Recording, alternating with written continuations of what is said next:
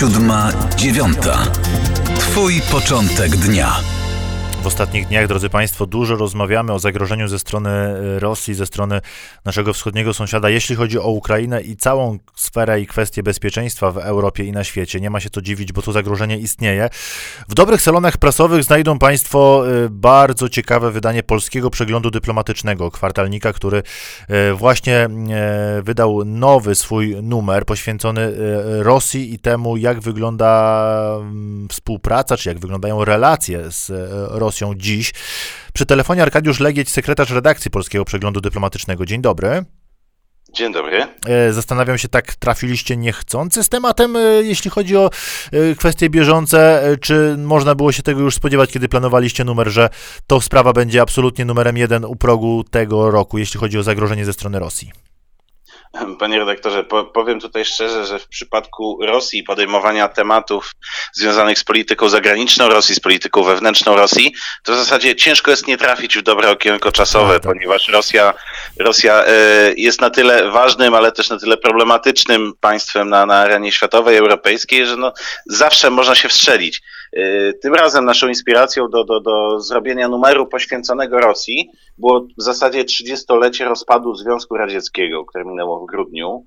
To była dla nas główna inspiracja stymulująca nas do tego, aby pochylić się nad tym, jakim państwem Rosja jest po tych 30 latach, jakim państwem wewnętrznie, jakim państwem w relacjach z sąsiadami, co to oznacza dla nas.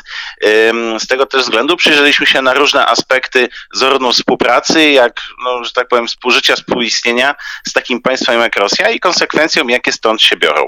My oczywiście najbardziej pilnie zerkamy na to zagrożenie ze strony bezpieczeństwa no, stricte militarnego czy, e, czy wojskowego, ale analizujecie wiele poziomów i sprawy gazowej, i sprawy relacji z NATO, i kwestii tego, jak wygląda mm, sprawa integracji Białorusi i Rosji. E, no właśnie, teraz pytanie, e, pytanie numer jeden tak naprawdę jest takie, czy ten agresor potencjalny lub realny jest rzeczywiście dzisiaj na tyle silny, by się go obawiać, czy jest na tyle już słaby i tylko straszący potencjalną siłą, jak też chcą niektórzy? W jednym z artykułów y, profesor Agnieszka Legucka, nasza analityczka, opisuje relacje Rosji z jej sąsiadami.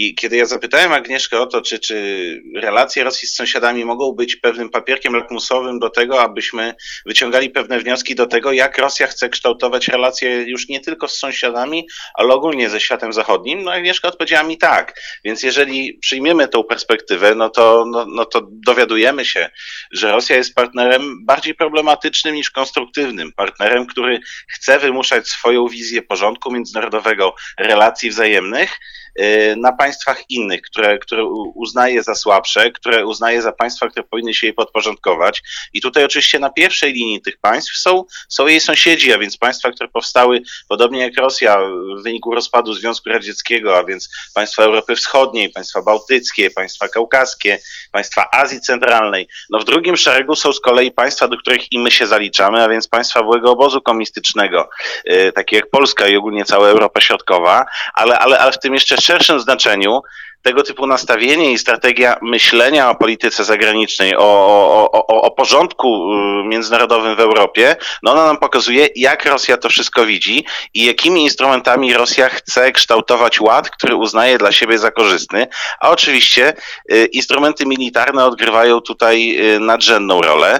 I akurat w tej kwestii Rosja jest państwem, które faktycznie ma znaczącą moc oddziaływania. Rosja nie jest państwem atrakcyjnym gospodarczo. No, może w wybranych kwestiach, takich jak oczywiście surowce gazowe. Rosja nie jest państwem atrakcyjnym kulturowo, pomimo tego ogromnego dorobku, jaki Rosja posiada, no to potencjał soft power nie jest przez Rosję wykorzystywany tak, jak mógłby być. A jednak to ten potencjał militarny jest czymś, co kształtuje rosyjską wizję świata i rosyjską wizję oddziaływania na ten świat. A czy szukacie też odpowiedzi e, na łamach e, PPD co do kwestii tego, dlaczego w ciągu tych 30 lat nie udało się jakoś wciągnąć Rosji do świata szeroko rozumianego i cywilizacji Zachodu? Czy to jest w ogóle możliwa perspektywa, by zaprosić Rosję, a wciągnąć, wywrzeć taką presję, by doszło tam do zmian, które pozwoliłyby traktować ten kraj jako w miarę, w miarę, e, no nie chcę powiedzieć normalne, ale chyba to, to, to określenie będzie najbardziej adekwatne. Ja myślę, że tutaj fajnym tekstem, który możemy polecić e, czytelnikom, słuchaczom jest tekst Roberta Pszczela, byłego szefa Biura Informacyjnego NATO w Rosji, który na łamach przeglądu dokonał pewnej takiej kroniki relacji Rosja-NATO. I czytając tą kronikę, no dowiadujemy się, że tak naprawdę były różne koncepcje tego, jak Rosja może z NATO nie tyle współżyć, ale w ogóle współpracować, współtworzyć jakiś wspólny system bezpieczeństwa, a przynajmniej wspólny system kooperacji.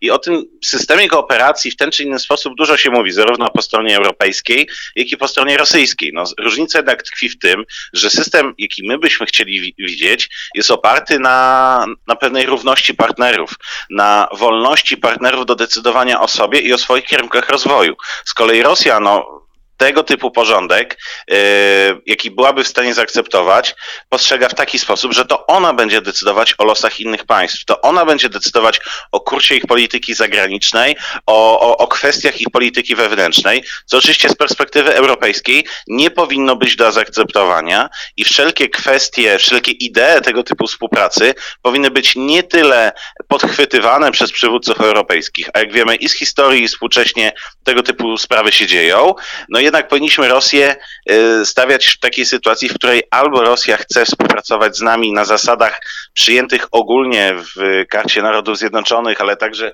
przyjętych w ramach Organizacji Bezpieczeństwa i Współpracy w Europie, y, w której w tej chwili przewodniczymy, na, na podstawie zasad, na które wszyscy już się tak naprawdę zgodziliśmy, a nie powinniśmy akceptować sytuacji, kiedy Rosja podważa te zasady i podważa w zasadzie ład, porządek, na podstawie którego wszyscy żyjemy, wszyscy się rozwijamy po wojnie, po II wojnie światowej i wszystkim nam powinno zależeć na jego utrzymaniu. Yy, Oczywiście mówimy tutaj o sytuacji, w której państwa nie kierują się w swojej polityce partykularnymi interesami opartymi na jej imperialnym podejściu, na imperialnym podejściu do świata zewnętrznego, na instrumentalizacji polityki zagranicznej, na kwestie polityki wewnętrznej, a tak się niestety dzieje w Rosji.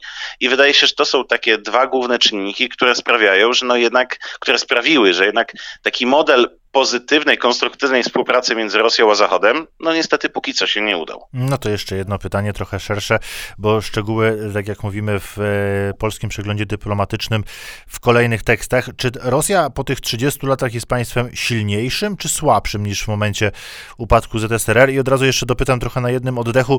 W ciągu tych 30 lat były no przynajmniej kilka takich momentów, gdzie e, rzeczywiście była szansa wciągnąć w Rosję do tego systemu e, pewnych e, reguł i zasad, o których już pan trochę powiedział. To była polityka Jelcyna, to był później pomysł na reset z Rosją.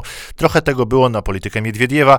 Czy jest szansa w dającej się przewidzieć perspektywie, że tak się uda to zrobić przynajmniej na jakimś poziomie? Na to pytanie niestety nie da się jednoznacznie odpowiedzieć. To nie dlatego, że ja nie chcę albo mhm. nie wiem, tylko to zależy z jakiej perspektywy się temu przyjrzymy. No bo jeżeli spojrzymy na instrumenty, jakie Rosja rozwija w przeciągu ostatnich 30 lat w stosunku do swoich sąsiadów, w stosunku do Unii Europejskiej, no to moglibyśmy powiedzieć, że tak, że Rosja jest silniejsza, ponieważ Rosja rozbudowuje swoje wpływy energetyczne. Rosja wzmocniła swój potencjał militarny.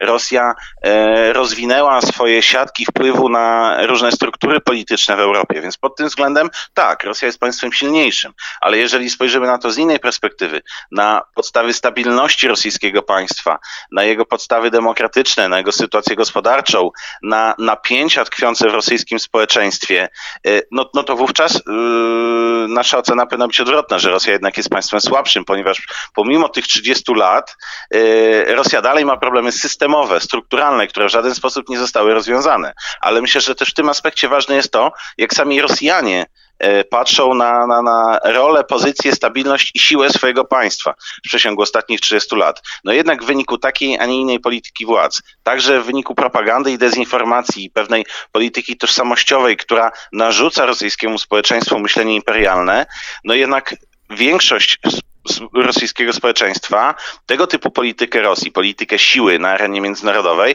traktuje jako przejaw tego, e, że Rosja jest państwem, które się wzmocniło, e, że Rosja jest państwem, które wyciągnęło wnioski z rozpadu Związku Radzieckiego i Rosja jest państwem, które stara się przeciwstawić temu Zachodowi, który nieustannie Rosji zagraża. Jakkolwiek nie byłaby to perspektywa mylna czy też fałszywa, no to jednak jest to perspektywa, jaką rosyjskie władze starają się narzucić rosyjskiemu społeczeństwu i być może siłą Rosji obecnej obecnie jest to, że w dużej części tą perspektywę no, rzucić się udaje. Po więcej analiz, e, esejów, tekstów odsyłamy do polskiego przeglądu dyplomatycznego, bardzo ciekawego kwartalnika, który mogą Państwo znaleźć e, w dobrych salonach prasowych, ale także na stronie internetowej pismy.pl, to strona Polskiego Instytutu Spraw Międzynarodowych. E, opowiadał, zachęcał do lektury i do sięgnięcia po polski przegląd dyplomatyczny mm, sekretarz redakcji tegoż periodyku, pan Arkadiusz Legieć. Dziękuję pięknie za tę rozmowę. Dobrego dnia. Panie redaktorze, dziękuję za zainteresowanie. Siódma, dziewiąta. Twój początek dnia.